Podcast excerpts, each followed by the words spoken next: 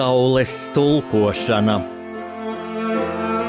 Rakstnieka pārunu stunda Kopā ar jums atkal Jānis Udris.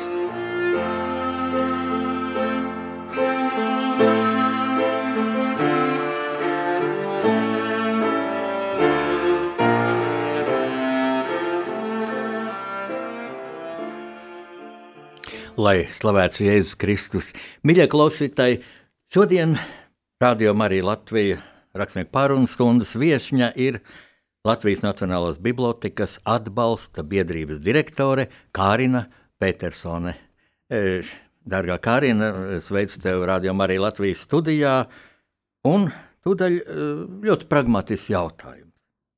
E, pastāst lūdzu, kas ir šī Latvijas Nacionālās Bibliotēkas atbalsta biedrība. Jo man ir jautājuši, jā, kad pieteicu šo tematu, nu, ko viņi tur dara? Biblioteka, jā, mēs visi redzam, Daugavas krastā, cildena ēka, nu, bet tur milzīgs darbs notiek. Jā, paldies. Vispirms jau paldies, ka man ir iespēja uzrunāt jūs klausītājs. Tā ir tāda brīnišķīga lieta. Paldies! Un mūsu biedrība ir jau pastāv jau vairāk kā 20 gadus, no 98. gada. Sākumā, kā jau jūs atceraties, bija sabiedrības daļā bija skepsis par bibliotekas nepieciešamību. Tagad jau viss ir pārliecinājušies, cik tā ir lieliska lieta. Un toreiz mēs cīnījāmies par bibliotekas ideju kā tādu. Un biedrība apvienojās tādu cilvēkam ir autoritāte, kuros ieklausās. Tie bija tādi kā bibliotekas draugi. Bet tagad jau mēs strādājam ļoti praktiski, jau vairāk kā gadus desmit mēs vācam uh, sabiedrības atbalstu un vācam ziedojumus gan Nacionālās bibliotekas vajadzībām, gan faktiski mēs strādājam ar visu plašo Latvijas biblioteku tīklu. Latvijā ir te tūkstots publiskās bibliotekas, un viņu vajadzības ir dažādas.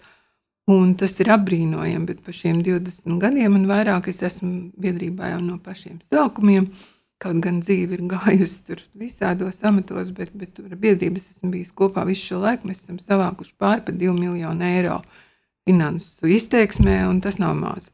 Pašlaik mums ir vairāki interesanti projekti. Mēs um, iedvesmojamies paši no tā, ka mēs pagājušajā gadā uzdāvinājām Nacionālajai bibliotekai jaunu iekārtojumu bērnu literatūras centrā, septītajā stāvā. Tā ir brīnišķīga telpa, kur arhitekta birojas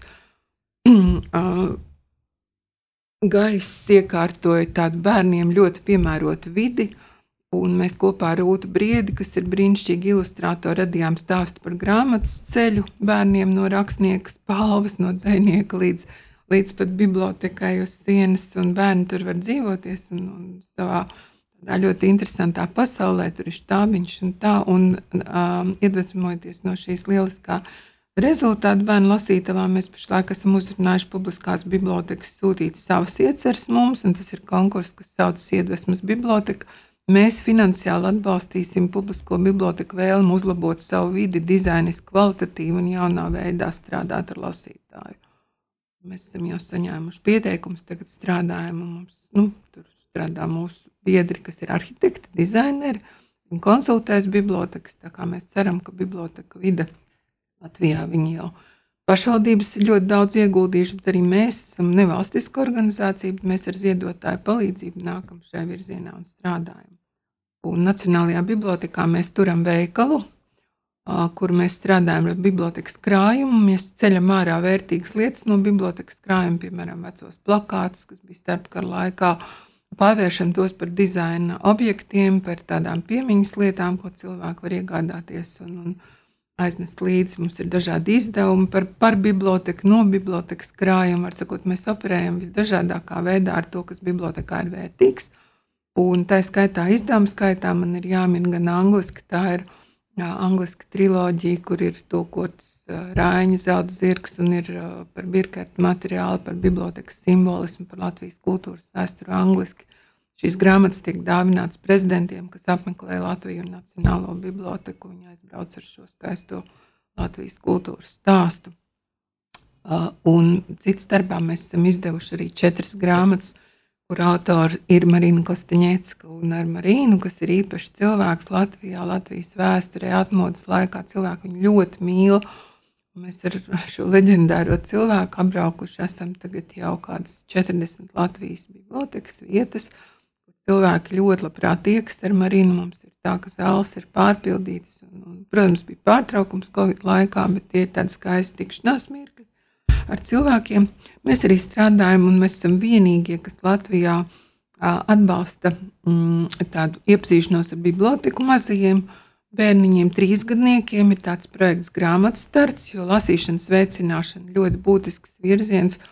Nu, cilvēku neksim, bērnam ir jālasa, ja mēs gribam, lai viņš ir attīstīts, lai viņam vieglāk iet skolā. Un, jo agrāk bērns iepazīstas ar grāmatu un sāk lasīt, jo viņam ir veiksmīgāka dzīve nākotnē. Man ir žēl, ka Latvija ir vienīgā valsts Eiropā, kur valsts tā mērogā šo virzienu maz atbalsta vai šo mazo bērnu lasīšanu neatbalsta nemaz. Tāpēc mēs, kā nevalstiska organizācija, tur redzējām to savu nišu un strādājam un brīvprātīgi uzrunājam bibliotekas un šo projektu īstenojam. Kā projektu ir bezgalīgi daudz, un, un nu, būtībā tā ir, tā ir tāda sazobe. Mēs uzklausām, ja Nacionālajā bibliotekā ir kādas vajadzības, piemēram, tagad mēs kopā strādājam pie jaunas mājaslapas bibliotekai, tad mēs cenšamies sameklēt tos partnerus, kas vislabāk to var izdarīt un arī palīdzam ar finansējumu, kas ir ziedots. Milzīgs darbs, es tā jūtu. Tūdaļ jautājums, kas vēl ir šajā biedrībā, kādi e, cilvēki? Ja saprotu, brīvprātīgais darbs viņiem tas ir. Nu, tas ir brīvprātīgs darbs. Mums pat valdē ir tādi nu, pazīstami cilvēki, tā dzēniece Ines Zandere, arī ilustrātori Rūta Brieda, Rūta Svaža, kas strādāja papīru industrijā, Undīna Būda, pieredzējis uzņēmēja, Tadeušs Surgovs arī uzņēmējs. Mums tā kā vajag šo tādu, nu, to, to cilvēku, kam, kam, ir, kam ir jauda un kam ir lab, labas idejas. No tā. dažādām jomām, jā. Jā, ne tikai literāti. Un nu, mūsu biedru starpā ir Jānis Drīpe, arī valdes loceklis, jā, arhitekti vēl. Mm. Uh, uh, Krēnbergs, arhitekts, uh, Māra Zālīte, mm, Ramona Umblī. Var sakot, nu, bezgalīgi daudz cilvēku, kam ir ko sabiedrībai teikt, dot, stāstīt, ja, radoši cilvēki. Un, un, jā, nu, biedru skaits nav milzīgs, tie ir 200 biedri, bet katrs ir patiešām unikāls un tas ir brīnišķīgs reizes, kad mēs varam savu biedru profesionalitāti izmantot, lai kaut ko labu biblioteku pasaulē izveidot. Un otrs jautājums par ziedotājiem. Manā priekšstatā nu, ziedošana tā ir diezgan smaga lieta. Ja? Un tā vēl tā, nu, ja teiksim, aicina televīzijā tur kādam smagi slims bērniņš, tā, tad jau tā sirds atverās, bet kā ir ar grāmatām? Atverās mm. cilvēku sirdis. Turīgo cilvēku ir sirdis. jāprot atrast, ir jāatrod tā atslēga, kā uzrunāt cilvēkus, jo Tā ir personiska saruna. Tas nav tā, ka tu izdevi uz ielas stūri, nokļiedzies un cilvēks skries tev, tev un nesīs naudu. Vai televīzijā pasaka, ja mēs aicinām. Nu, mēs tā mēģinam individuāli uzrunāt caur interesantiem tādiem publicitātes materiāliem, arī sociālajos tīklos, arī, protams, ja ir iespēja, mēs aicinam pagājuši, kad bija ļoti emocionāls situāciju mēs palīdzam mm, sagādāt uzrunājumu uzņēmējs, kam ir nolietots datorparks, bet kas ir vēl lietojams. Datori, kas ir vēl lietojami. Tas ir profesionāli IT tādas, nu, uzņēmumi. Un es patiešām biju tāda iespēja uzrunāt uh, sabiedrību televīzijā. Mums piezvanīja trīs vai četri uzņēmēji, kas piedāvāja savus datorus. Bibliotēkām tā ir milzīga laime saņemt kaut vai trīsgadīgu datoru, jo Jā, jo datoru nolietojas Bill Gates šis projekts, kad pirmais tas pirms 15 gadiem, kad izveidoja gaismas tīklu, laiks ir pagājis un mazās pašvaldību bibliotekas. Tā kā es uzrunāju sabiedrību, ja jums ir tāda iespēja kaut ko ziedot ar mūsu biedrību, biblioteka būs jums ļoti pateicīga. Paldies! Tā ir tāda skaista uzruna, kas tikko izskanēja, un man tas pavidināja uz tādām līriskām noskaņām. Ja. Domāju, tagad ir laiks muzikālai pauzei. Nu, mums ir rakstnieka pārunas stundā tāda tradīcija, ka viesi mēs aicinām izvēlēties savu mīļu dziesmu, kas ir Kārinai Petersonai prātā un sirdī šobrīd. Nu, ja es tā drīkstu izvēlēties, nu, protams, to es man vienmēr tā kā notrīs tās sirds stīgs, tad, kad es dzirdu Annas Rancānas vārdiem. Es nezinu, kas ir mūzikas autors, bet ir tāda bezgalīgi skaista, tāda tautiska, tādu tautisku mm, intonāciju, mm, kā jūdienas olūtā, tik, skaist, tik skaidra valoda. Tā ir tāda nu, tā kā latgaliešu himna par, par mūsu skaisto valodu, par, par latgaliešu valodu. Un man tā dziesma vienmēr skan, kad es, nu, nav jau nekāds noslēpums, es pāris gadus pavadīju pētījumos par Anatoliju Gorbanovu mūžu un, un politisko darbību, un, un nu, viņš ir latgalietis, un man, teiksim, caur, caur viņu latgali kļuvusi tuvu, kā es gribēju, lai skaistā dziesma izskan rēdījumā. Tad, lai notiek, lai skan šī dziesma, kas arī man ir ļoti mīļa. Mm.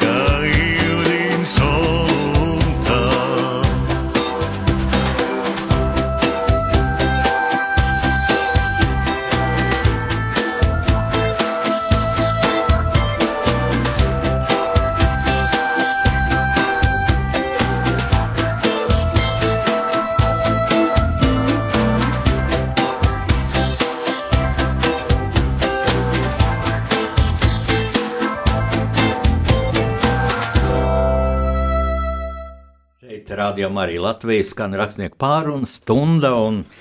Šajā raidījumā viesņa ir Latvijas Nacionālās Bibliotēkas atbalsta biedrības direktore Kārina Petersona, bet ne tikai atbalsta biedrības direktore, arī rakstniece Kārina Petersona, jo mm, nu, argumentējot, kāpēc izvēlējies šo brīnišķīgo, patiešām brīnišķīgo latgales dziesmu, kaut tu neesi Latga, no Latgales, Es arī neesmu, bet man arī sirds kutēja to klausoties, un tu minēji, jā, kad ir iznācis daudz būt Latgalē sakarā ar tavu rakstnieci misiju grāmatu par Anatoliju Gorbunovu. Ļoti vēsturiska personība, es teiktu, arī nu, pretrunīgi. Viņš tiek dažādi vērtēts, bet man liekas, ļoti svarīgi bija parādīt šo milzīgo lūzumu, kas notika cilvēkā.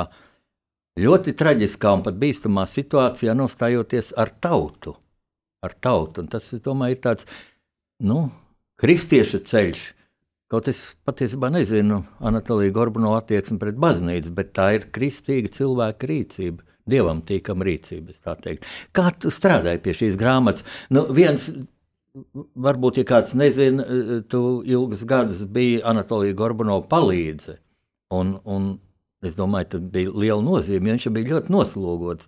Es pats esmu atmodas laikā un pirmajos neatkarības gados vairāk kārt intervējis. Viņa zina, ka tā nemaz nebija, kad iekšā jebkurā laikā. Milzīgs slodzi bija, un palīgam, es domāju, divi tik lielāka tā slodze.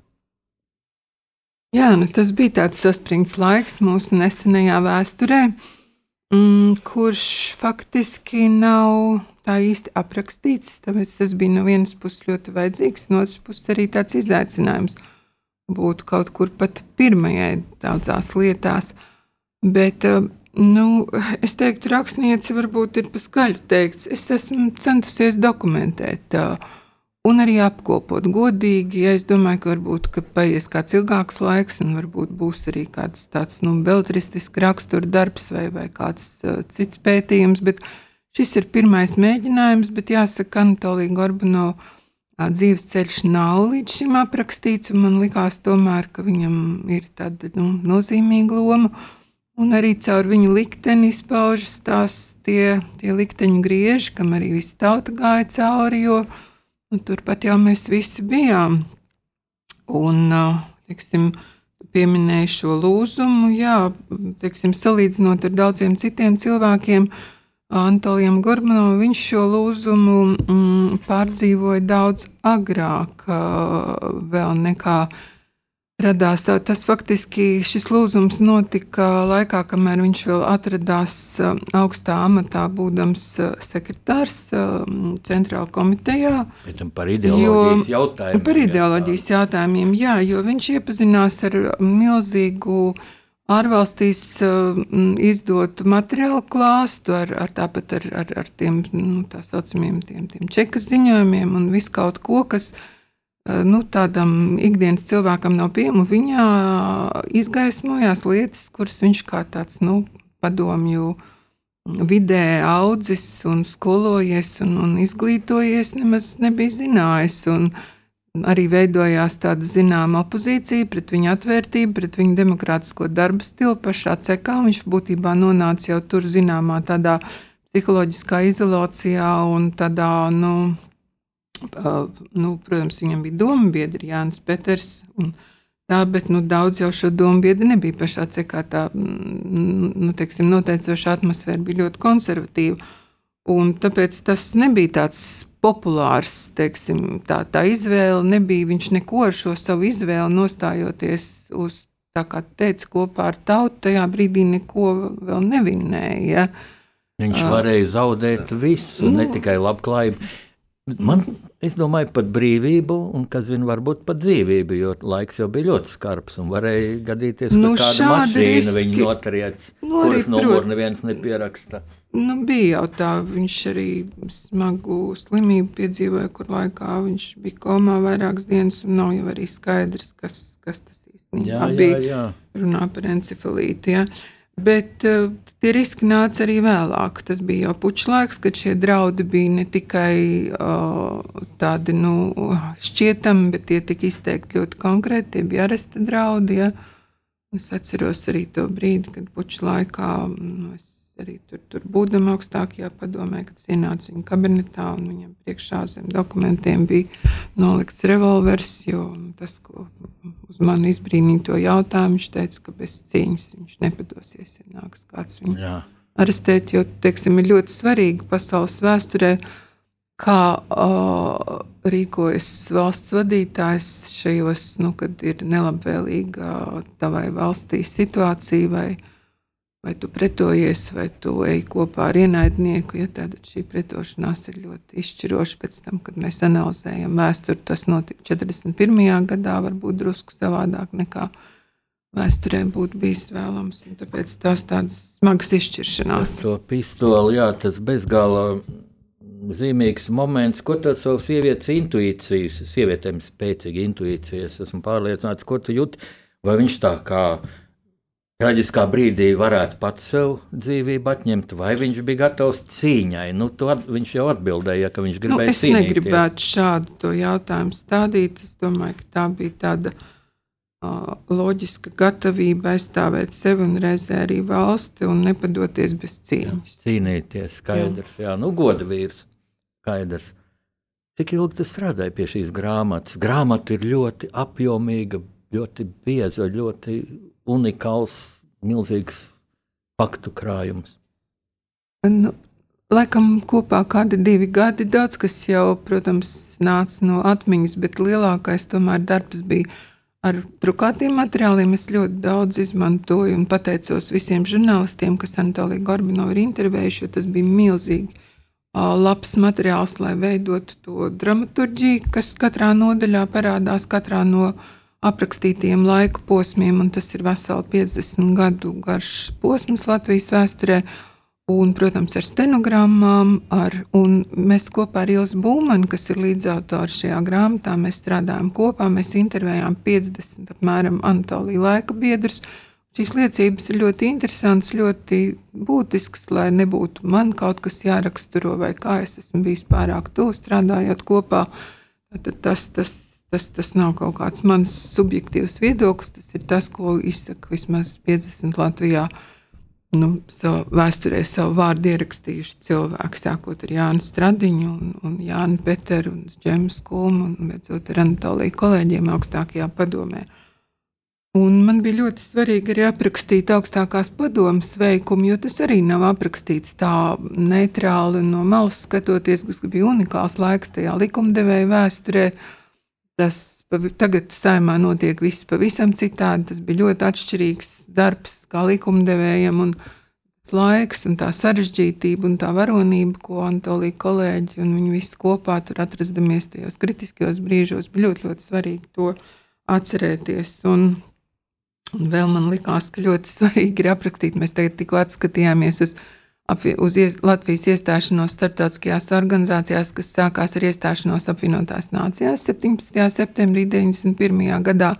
Nu, lūk, šis Latvijas atjaunošanas, Latvijas starptautiskās atzīšanas laiks arī jau nav aprakstīts tā tīri konkrēti. Un es eju no gadījuma uz gadījumu, no katras šīs, katra vēstnieka, ko Latvija sūtīja, katrs vēstnieks, kas atbrauc uz Latviju, katra iestāšanās, kam Latvija gāja cauri, vispirms Sano, pēc tam ECO, tad um, Eiropas padomu. Tas, tas viss bija kā tādas mazas virsotnes, kas Latvijai bija jāiekaro, jāpierāda savu, savas tiesības, tur darboties starptautiski un jānos. Ja, jā, šis pats galvenais bija tas starptautiskais dialogs, lai saprastu, kam mēs esam gājuši cauri, ko nozīmēs okupācija, un lai mēs tiktu vaļā no okupācijas valsts armijas savā teritorijā. Bez starptautiskā atbalsta mēs to divu ar Krieviju nevarējām atrisināt.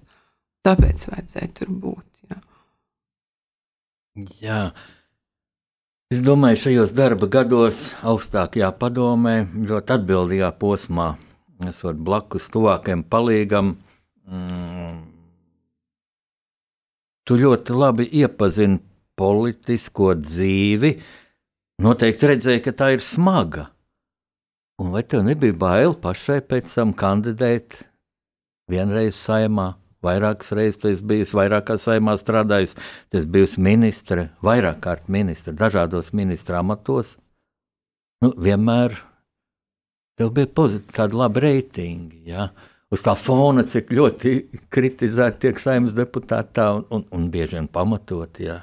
Es neesmu mīlusies politikā. Es kaut kur pārliecinājos, ka nu, tev iekšā ir tas um, tā, tā skala, ja, tas rādītājs, un ja tu kaut kā nepārkāptu un nedari pretēji kaut ko savai sirdsapziņai, tu vari noturēties. Ja tu nevari, tad ir jāiet prom. Ja. Un tu vari noturēt to latiņu tā, kā tu pats uzskati. Un faktiski es esmu arī piedzīvojis tādu tikai kaut ko labu no cilvēkiem. Man nav nācies tādām mīlēm sastapties arī tās politiskās darbošanās laikā. Jā, ir bijuši tur ar kolēģiem un ar, ar konkurentiem, ar politiskiem konkurentiem ir bijušas niknas cīņas. Tam visam ir iet cauri, bet cilvēku labvēlība ir, ir piedzīvot, un es varu teikt, ka es tā ar prieku darbošanos politikā atceros. Man jāsaka paldies arī Antolijam Gorbunovam. Viņš bija brīnišķīgs skolotājs. Viņš man iemācīja tādu vienu lietu, ka politikā galvenais nav runāt, ka galvenais ir klausīties. Jo viņš prāta brīnišķīgi uzklausīt cilvēkus. Cilvēki arī uzticējās viņam un kaut kur, nu, ja tā var teikt, tad es esmu centusies iet arī līdzīgu ceļu un arī tas, varbūt tas, tas miers un savaldība kaut ko ir mācījuši. Tā. Tas nav viegli, protams, bet, bet uh, vajag spēt. Es tā klausoties tavos vārdos, es iedomājos, ka pašlaik politiķiem, nu, varbūt gandrīz visā, tri, visos 30 mūsu atgūtās neatkarības gados, nu, ir vissarežģītākā situācija vai, nu, vis tāda neparastākā sakarā ar šo koronavīrusu pandēmiju un, um, nu, mums ir tāda nu, tradīcija, nerakstīts likums, rādījumā arī Latvijā mēs neiestājamies publiski par kādu politisku partiju, neaģitējam, vai arī uh, netriecam pīšļos kādu partiju, uh, cenšamies izprast un izprast, kas notiek cilvēku psiholoģijā. Un no vienas puses, nu, ļoti zems reitings ir mūsu po politiķiem šobrīd. Daudzos gadījumos arī man jāpiekrīt pelnīti. Bet nu, atkal nevar visu par vienu kārtu mest. Ir arī daudz, kas ļoti godprātīgi strādā. Man kā tu vērtē to, ka uz šī mm, pandēmijas rēķina tagad tieši cilvēki laužas politikā un dibināt vēl grib jaunas partijas ar demagoģiskiem lozungiem. Manā uztverē ir briesmīgā nelaime, šis vīrus, šī pandēmija. Tas ir tā ir ārsta darīšana. Un to būtu jārisina ārstiem, un politiķiem būtu jāklausās un jārīkojas pēc ārsta ieteikumiem. Bet uz šīs nelaimes rēķina aicinot nevakcinēties. Vakcinēšanās ir vienīgā iespēja atjaunot normālu dzīvi, vai, vai ir vēl kāda iespēja? Nu, gaidīt, ka tas pats no sevis izbeigsies. Varbūt tas būs desmit gadus. Bail domāt. Vienīgā iespēja pātrināt to ir šī vakcinēšanās, un mēs te visi esam vakcinējušies, gan tu, gan mēs visi rādījām arī Latvijas cilvēki. Neviens no mums tādēļ neslimo. Jā, nu, tas tik tiešām es arī piekrītu, ka šis ir ļoti sarežģīts laiks tiem, kas ir politikā, un es tāpēc atturos no kritizēšanas. Es vēlu izturību, es vēlu nosvērtību un argumentētus lēmumus un to, uh, skaidrošana ļoti svarīgi ir runāt ar cilvēkiem. Es pat esmu pārliecinājusies, ka uh, nu, cilvēcīgi un saprotami izskaidrojot lietas, tas pieņem ar laiku, pieņem tas pats bibliotekas celtniecības jautājums. Teiksim.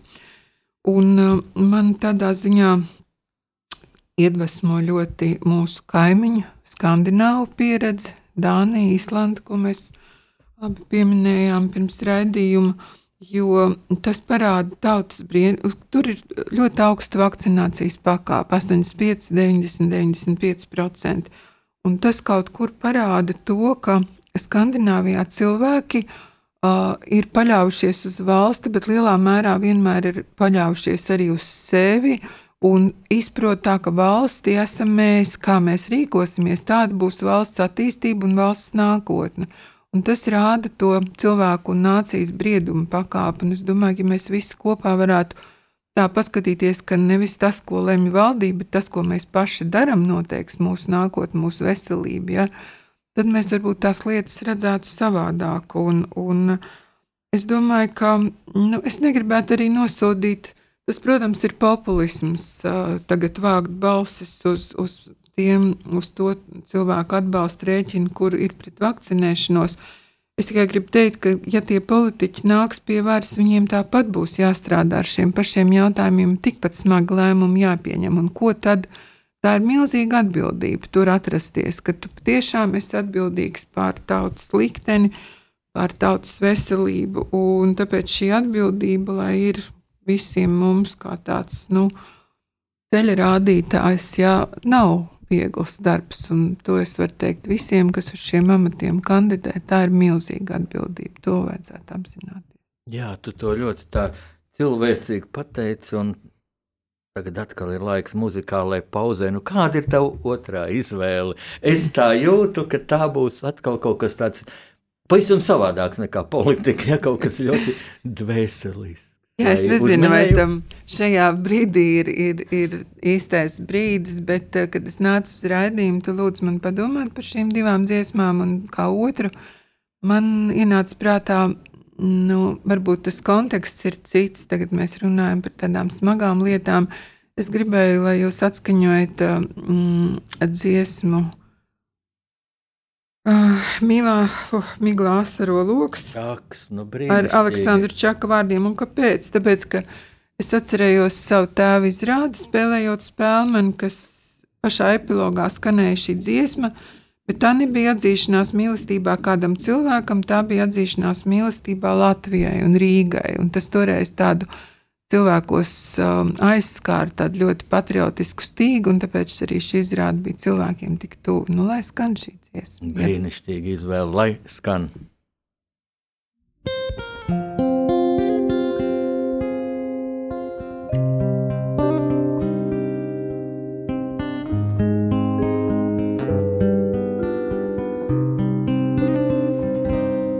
Miglā asaroloks ko tur liekties nav vērts. Tikai tevi es mīlējis esmu, kādā dīvainā sulā savas lūpas tu mērķis, kad tās kvēlu ar tik sarkanu dvēsmu. Kādā dīvainā sulā savas lūpas tu mērķis, ka tās kvēl ar tik sarkanu dvēsmu. Tur, kur bulvāri kūp, tevi satiku reiz, un vairs nezinu miera nemirkli uz tās stūra, kur lūdz naudu ubaks sev greiz, mani samīs drīz ilgas kā zirgi. Uz tā stūra, kur lūdz, naudu ubaks sev greiz, mani samīs drīz ilgas kā zirgi. Vai tā diena vai nakts? Ielās klīstu viens pats, rauju lapas no kokiem un ceru, ka uz kādas no tām būs tavs kūps vai tavs mats, bet tās tukšas es notekās baru. Kā uz kādas no tām būs tavs kūpsts vai tavs mats, bet tās tukšas es notekās baru. Tad es veros tāpat, visos logos var būt. Tavas acis tur redzēšu spīdām, bet man cerību putni tikai smadzenēs zūd. Jūtu mirkļus, tik mūžībā krītam, bet man cerību putni tikai smadzenēs zūd. Jūtu mirkļus, tik mūžībā krītam. Kur tu esi mans draugs? Vai tai blāzmā, kas kūst. Man no vientuļā mākoņa sejā, jeb no tevis man tik, kā šīs ilgas, kas lūs. manā asā un satrauktā dzējā.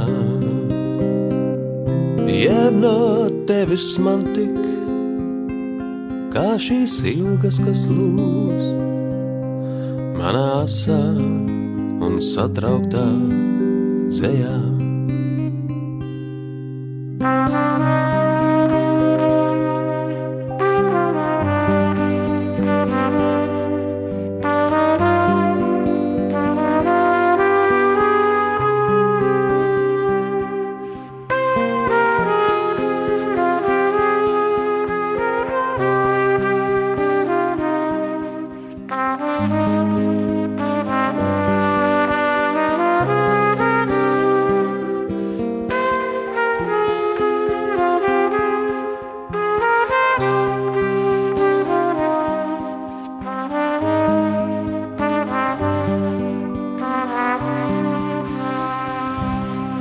Miglā asaroloks, ko tur liekties nav vērts. Tikai tevi es mīlējis esmu, laikam asinīs manā. Marija Latvija rakstnieku pārunu stundas viešņi ir Kārina Petersone un tikko uh, klausījāmies šo ģeniālo dziesmu, kur izraudījās mūsu viešņi Kārina Petersone. Un, zini, kā arī es klausoties, atcerējos tavu tēti, ah, izcilu režisoru Pēteru Petersonu. Un, jā, man bija laime arī viņu vairāk kārt intervēt, un viena no šīm intervijām bija jūsu dzīvoklī. Un man jāteic, nu, nevienā privātā mājā, nevienā privātā dzīvoklī, jā, tādu grāmatu krājumu neesmu redzējis. Tur bija tāda, tāda galerija, tā kā mm. divos stāvos, un ak, Dievs, šīs grāmatu, grāmatu, grāmatu, grāmatas. Un tagad es tā. Jā, un es atceros, protams, arī šo ģeniālo izrādi jaunatnes teātrī. Vēl tad bija jaunatnes teātris un Imants Krastiņš, kas liepiņš spēlēja un, ah, un pilna sirds. Un, Un tev taču bija laime uzaugt starp šīm grāmatām un redzēt, kā tavs teica, gatavo šo ģeniālo izrādi. Ja viņš droši vien mājā arī kaut ko bubināja pie sevis un pierakstīja un plēsa. Nu, tā, sāksim varbūt ar to, ka tas dzīvoklis, kurā es šobrīd dzīvoju, un ko, kur, nu, kur es uzaugu, un kur ir šī brīnišķīgā Petersona biblioteka, mājas cilvēki gan viņu sauc par unci un arī kolēģi. Ja? Mm, ka tas ir dzīvoklis, kurā čakas ir aizgājis mūžībā. Tā ir ļoti interesanta sakritība. Tur pēc kara ienāca Milda Grīnfelda ar bērniem, un viņi bija pāris ar, ar Čaku. Viņi tā arī nekad nesagāja kopā. Čaks palika savā Latvijas dzīvoklī, bet, kad viņš smagi saslima, augstējās un nāca no Čakas pratināšanas, viņš uznāca tur un Milda viņu apguldīja. Viņam bija, nu, es nezinu, gripa plauškarsonis un tā. Viņš tur sagulēja divas nedēļas un mira tajā vienā no tām istabām. Es pēc tam arī Milts Grīnfelds meita atnāca ciemos, un man gan mamma to bija stāstījusi, bet, zin kā, nu mamma daudz ko stāsta. Viņa bija, viņa draudzējās ar Miltu, viņa četratā gāja ar, ar Čaku uz kafejnīcām, un tā viņiem bija tāda, tāda skaista draudzība, bet es tam tā bērnībā varbūt nepievērstu tik lielu uzmanību, tad es vēl tikos ar Miltas meitu, viņa to apstiprināja. Bet tiešām tā bija māja, kur bija brīnišķīgi uzaugt man vecāka ģimene, jo Tur ļoti daudz apgrozījās teātris, cilvēki, rakstnieki un, un viss šis grāmatu pasaule. Vecāki ļoti bieži nebija mājās, un es tiešām izbaudīju to, ka es, man bija piekļuva kaut kādām brīnišķīgām. Tāpat es pārlasīju visas atpūtas un Latvijas laika izdevumus.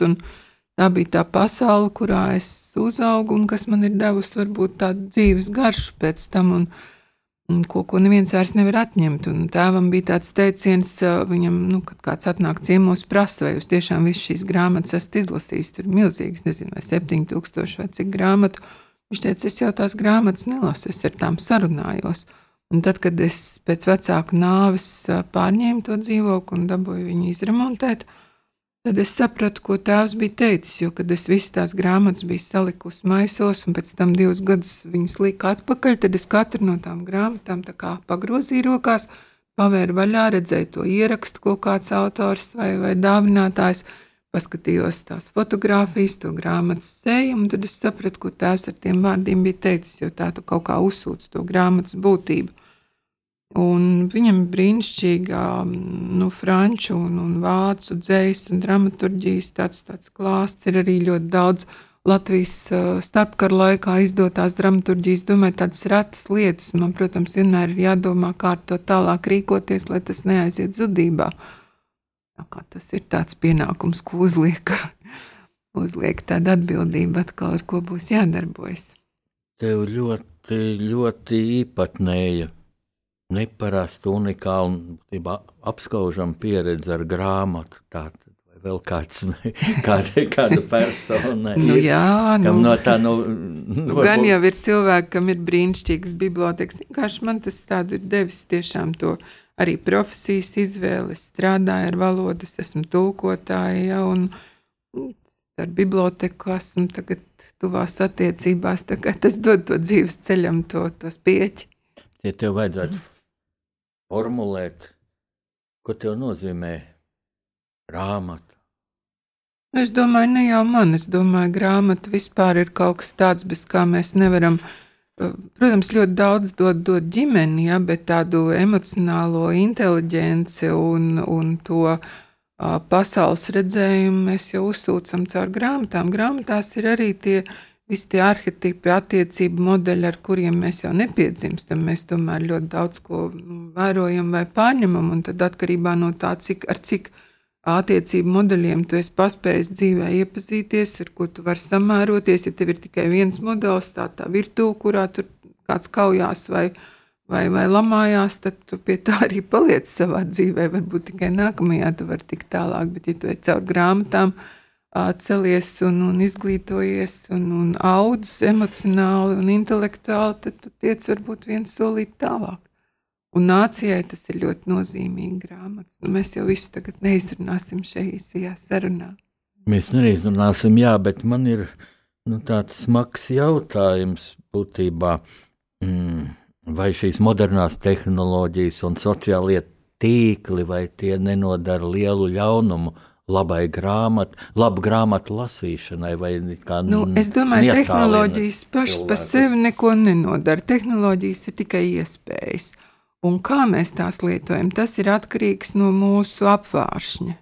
Cilvēki ar, ar plašu apvārsni atradīs caur tehnoloģijām brīnišķīgas lietas, kā sev papildus izglītot vai tikt klāt kaut kam tam, kas nav tavā plauktā. Jautājums ir par tavu ievirzi, par tavu vēlmu uzzināt pār taviem apvāršņiem. Uh, Tikpat labi tīmeklī mēs liekam grāmatas, kuras nu, var nopirkt lētāk, ja, un, un tā tālāk. Atkal jautājums, ko tu meklē tajā tīmeklī, ko tur atrod. Kas ir diezgan bēdīgi, ir, ka rakstīšana ar roku varbūt ir mazāk, un rakstīšana ar roku izkopja cilvēku prātspējas. Ja tā iet mazumā, mums jādomā, nu tad jāmācās mūzika, ja, jo tā rokas kustināšana pirkstu kustības ir tomēr mūsu intelektuālajai spējām ļoti svarīgas. Nu, jā, tās, tās, tās lietas, un rakstītais vārds un lasīšana. Es jau teicu, ka mēs strādājam ar šiem mazajiem bērniem, un ir tie pētījumi, kas parāda, ka bērni, kas daudz lasa, viņu dzīvē tiek tālāk, viņiem skolā ir veiksmīgāks liktenis. Tā kā, nu, ja var apvienot gan lasīšanu, nu, dārdarbu grāmatu lasīšana ar, ar to, ko dod tas interneta dzīves. Būtībā jau tā ir tāda ideāla situācija, ja mēs nepaliekam tikai kaut kādā vienā, atkal tajā pirmajā pakāpītē. Es saku, lūdzu, un atkal nu, jāatgriežas pie tās, pie tās pandēmijas, kā tā tavs biedrības darbu iespaido un iespaidoja, taču noteikti vajadzēja Jā, nu, rēķināties protams. ar tiem ierobežojumiem. Mm. Nu, kā jūs tam tikāt pāri? Tagad bibliotekās atkal cilvēki pulcējas, nu, tie, kas ir vakcinējušies un pārbaudot tos certifikātus, kas jau nu, gandrīz pusē Latvijas iedzīvotāji ir. Tomēr. Jā, nu man jāsaka, ka kultūras nozara ļoti smagi satraumējās pandēmijas laikā, un tās nebija tikai bibliotekas, tie bija arī muzeji un teātri. Un, uh, Visi tie cilvēki, kas ir pieraduši dzīvē, saskarties ar, ar savu publiku, ar savu klausītāju un skatītāju. Un biblioteks bija viena no tām jomām, bet man jāsaka, ka sevišķi lauku biblioteks ļoti oriģināli atrisināja to lietu, ka grāmatas lika pie durvīm. Cilvēki viņus paņēma, un tad, kad atdeva atpakaļ, grāmatas trīs dienas pastāvēja karantīnā un gāja atkal atpakaļ krājumā. Un bija tādas kastītes izliktas ārpusē, un ļoti, ļoti inovatīvs risinājums cilvēki atrada. Oficiāli kā nevarēja apkalpot cilvēks. Tagad bibliotekas un muzeja ir vaļā. Es par to ļoti priecājos, un mēs ejam uz to certificēto cilvēku uzņemšanu. Pašlaik bibliotekās nāk, piemēram, Nacionālajā bibliotekā cilvēku lasītājs apmeklē, bet tur nekāda certifikāta pašlaik netiek prasīta. Bet, ja situācija valstī sāsināsies, būs jāpieņem kāda aiz, nu, lēmuma, kas aizsargās cilvēkus no saslimšanas, tad, protams, ka es domāju, ka bibliotekas, es ļoti ceru, ka bibliotekas un muzeja ciet nevērsies, ka mēs iesim uz šo certificēto piekļuvi, kas ir tikai normāli, ļoti civilizēti, un, un, un tas tā ir tā solidaritātes cena, jā, kas mums vienam otru aizsargājot, ir, ir jāpieņem un jāatbalsta. Tu minēji šīs lauka bibliotekas, tu ļoti daudz. Tu visos šajos pasākumos, piemēram, kur Mar Marina Kostaņetska piedalās. Eh, nu, mums jau tā saruna bija tāda, nu, tādā dialogā. Es tā kā vadīju tā sarunu, lai Marina ir uh, tie brīnišķīgie stāsti, tad, tad mēs kopā braucām, un tas bija ārkārtīgi aizkustinošas tikšanās, ārkārtīgi. Jā. Kas man sociālajos tīklos eh, patīk, nu, es uz tiem, nu, skatos ar dalītām jūtām, ja es pirms brīža jau teicu, tā bail vai nietālina, nu, vai nesēju tādu paviršību. Bet, lūk, Marina jā, ļoti emocionāli ir aprakstījusi sociālajos tīklos, Facebookā savas tās viesošanās, un mm, viena no tām kolkas pagastā, pavisam netālu no manis arī vasaras vada kolkas pagastā, un man iekrita sirdī, ka viņa raksta, kad viņai notika šī nu, nelaime, arī ko viņa faktiski savā tādā dedzībā ieguva, ja, braucot uz Černobiļu drīz pēc avārijas, palīdzēt morāli stiprināt šos Latvijas puišus, kas tur bija caur padomju armiju nosūtīti, veselības agandēt. Un viņi nevar staigāt viņa ratiņkrēslā, un viņa domājas, ka nu, viņa taisa četrās sienās tā arī tagad aizvadīs savu mūžu, un pēkšņi lūk šis brīnišķīgais biedrības, tavas biedrības aicinājums, atbalsts, un viņi kaut kas pagastā un ne tikai tuvu jūrai, bet viņu pat tur ienes jūrā. Jā, mēs puiši. iebraucām ar viņu jūrā. Un... Viņi vienkārši. Viņa kā krieviete ar tādu sirsnību, krievs viņa pasredzina tā tieši, ja tā ļoti tā forša tā uzraksta, un cik daudz viņa ir Latvijai devusi, īstu Latvijas patriotu. Jā, nu Marina ir unikāls cilvēks, un tā viņas cilvēku mīlestība un, un, uh, un, un viņa ir tiešām dieva cilvēks, un, un tas, kā viņa apraksta Latviju, un, un arī kā viņa raksta par Čukotku, mēs tagad gatavojam viņas izdevumu par viņu par, par, par, par ziemeļu tautu atjaunot izdevumu, izrādās, ka čukčus, ko viņi ir aprakstījusi, ka viņi ir zaudējuši savas tradīcijas. Un mums tagad šī grāmata, ko Marina kādreiz sautās sejas mēnesis, viņiem būs to, kā zinātņu akadēmijai, pētījuma avots par čukču tradīcijām un zaudēto valodu un dzīvesveidu. Jā, bet, kā es vēlreiz saku, tā uzņemt uh, Un tā runāt ar cilvēkiem, proti, tikai Marina Kostaņecka un viņas emocionalitāte un viņas tas tiešām apdāvinātība un tas, ko viņai Dievs ir ielicis šūpulī, ja tam reti kurš var līdzināties. Saki, no šiem braucieniem pa lauku bibliotekām, kas tev pašai tā vispilgtāk ir iekritis prātā, vai kāds jautājums cilvēku, vai kāds pavērsiens, kāds viedoklis, kas izskanējis? Varbūt tieši pēdējā, lai, pēdējā gada laikā, šajā pandēmijas nu, vienmēr jau, laikā. kad es varbūt atsaukšos tieši uz tām tikšanās reizēm ar Marinu, viņa vienmēr stāsta par to atmodas laiku un par tiem sarežģītiem apstākļiem, kādos toreiz viņa kā PSRS tautas deputāts strādāja, un cilvēki parasti jautā, vai bija vērts, un viņa ļoti skaisti pasaka, ka tieši redzot, kā Latvija Tieši kā Latvijas lauki, kā Latvijas mazās pilsētas ir sakoptas, cik bagātas ir bibliotekas, cik daudz latviešu grāmatu tur ir, tas rada to sajūtu, ka bija vērts tam iet cauri, bija vērts cīnīties, un ka Latvija tikai kā neatkarīga valsts var uzplaukt un, un patiešām ir atzimusi. Un par to ir milzīgs prieks un gandarījums. Jā, nu, aiziet jau mūsu raidījuma pēdējā minūte, un es tev uzdošu tādu, zini, tradicionālu jautājumu, bet ļoti faktiski svarīgu mūsu klausītājiem. Ar ko tu gribētu nobeigt mūsu raidījumu, ko tu gribētu novēlēt grāmatu lasītājiem? Un vēl kāda ir tava sajūta, vai lasīšana iet plašumā atkal? Jo bija tāds kā noteikti iet plašumā, Nu, jo arī rakstīšana iet plašumā, un to mēs redzam, iet grāmatveikalos. Es gribu vēlēt cilvēkiem, tomēr ne par lasīšanu šobrīd. Es gribu vēlēt atrast ko tādu, kas katram cilvēkam dod tādu sirdsmieru, tādu līdzsvaru. Vispirms būt līdzsvarā pašam ar sevi, un tad jau arī ar to apkārtējo pasauli un to mieru un to laimi meklējiet sevī, nemeklējiet ārpusē. Tad jau būs labi. Man tāda sajūta, ka Karina Petersone, rakstnieka pārunas šī, stunda šīs dienas viesņa, tikko minēja tādu savu pieredzi, meklēt sevī to mieru. Jo tu vienmēr esi ļoti mierīga, ļoti nosvērta, ļoti labestīga. Ar to arī apsveicu. Tātad rakstnieku pārunas stundas viesņa šajā raidījumā bija Latvijas Nacionālās Bibliotēkas atbalsta biedrības direktore Karina Petersone. Dārgā Karina, es sirsnīgi, sirsnīgi pateicos un vēlu ķerties pie nākamās grāmatas.